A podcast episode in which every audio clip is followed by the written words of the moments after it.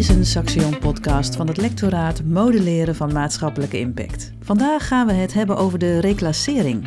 De reclassering heeft als belangrijke taak om herhaling van strafbaar gedrag te voorkomen. En dit doet zij door middel van advisering, toezicht, gedragsinterventies en werkstraffen.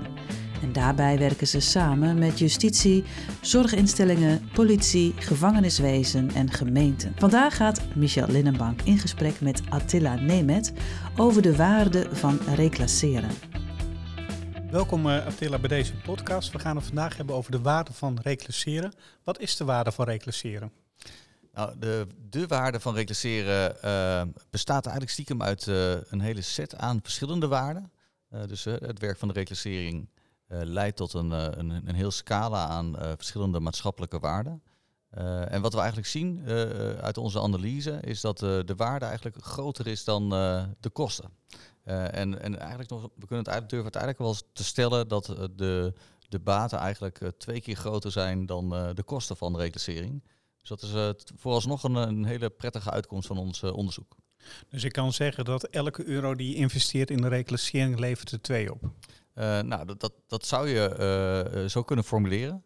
Er zit nog wel een, een, een, kleine nuance in. En dat is dat ten aanzien van de maatschappelijke waarden die we hebben becijferd, zijn een aantal zijn echt waarden die je direct voelt in, je, in, in de portemonnee. Echte harde financiële waarden. Er zitten ook een aantal waarden in die niet direct in de financiële wereld terechtkomen. Um, en dat zijn dan, maar, maar dat zijn nog steeds waarden die van belang zijn voor de maatschappij. Uh, en uh, die nemen we wel mee en die hebben we ook vertaald naar euro's om, het, om ze vergelijkbaar te kunnen maken met uh, de kosten van reclasseren. Om toch uiteindelijk een soort ja, oordeel of een, een idee te hebben van ja, levert het ja meer of nee minder op. Wat zijn die waarden dan? nou, een voorbeeld van, van, van een wat meer minder financiële waarde is bijvoorbeeld kwaliteit van leven. Hè? Eh, hoeveel vindt de maatschappij het waard dat een cliënt van de reclassering en zijn of haar uh, directe omgeving uh, een beter leven heeft of, of niet?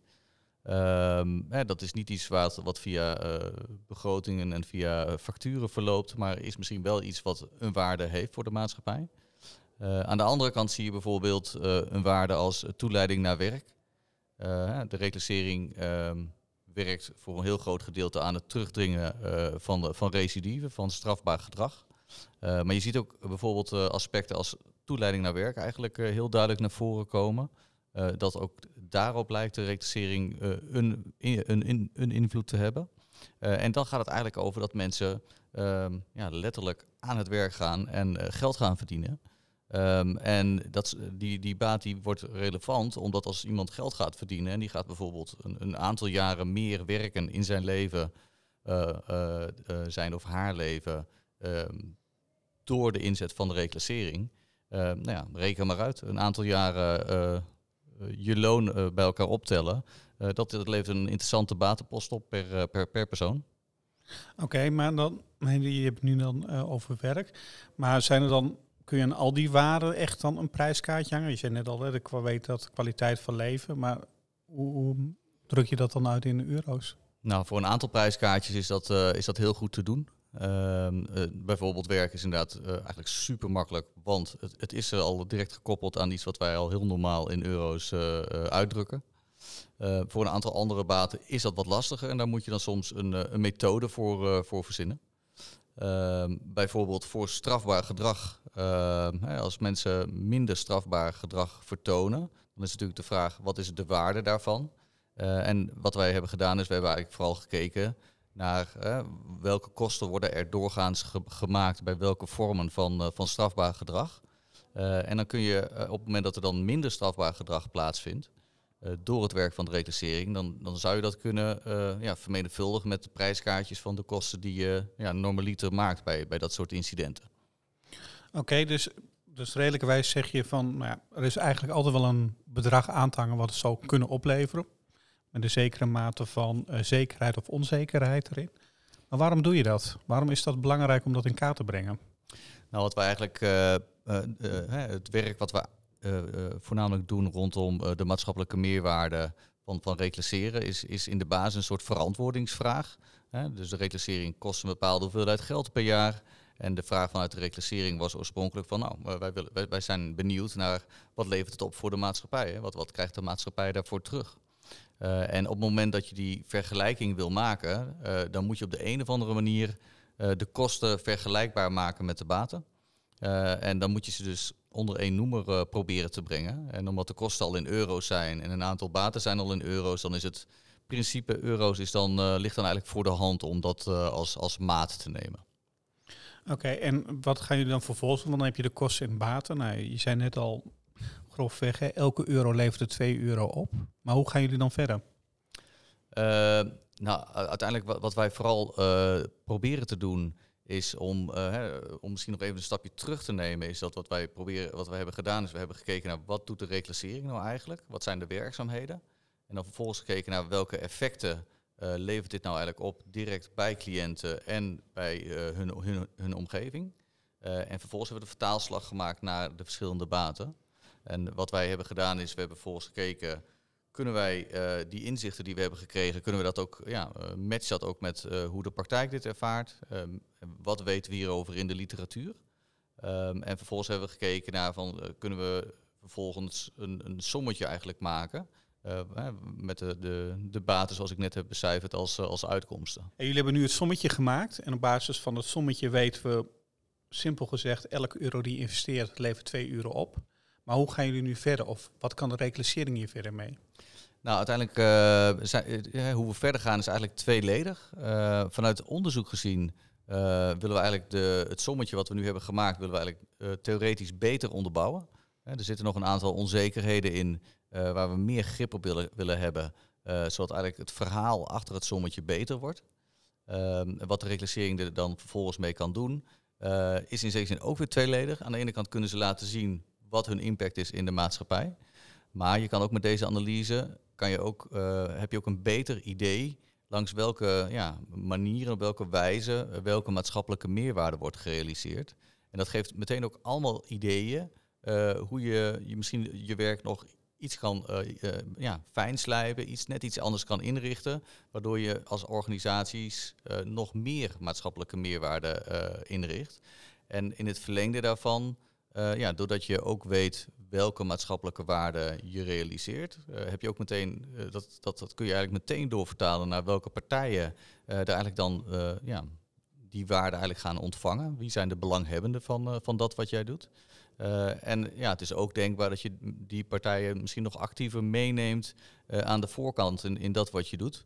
Uh, simpelweg omdat ja, de reclassering is gewoon re relevant voor verschillende maatschappelijke ja, groepen. Oké, okay, en maar je zei net al dat er zitten nog wel wat onzekerheden in, in het sommetje.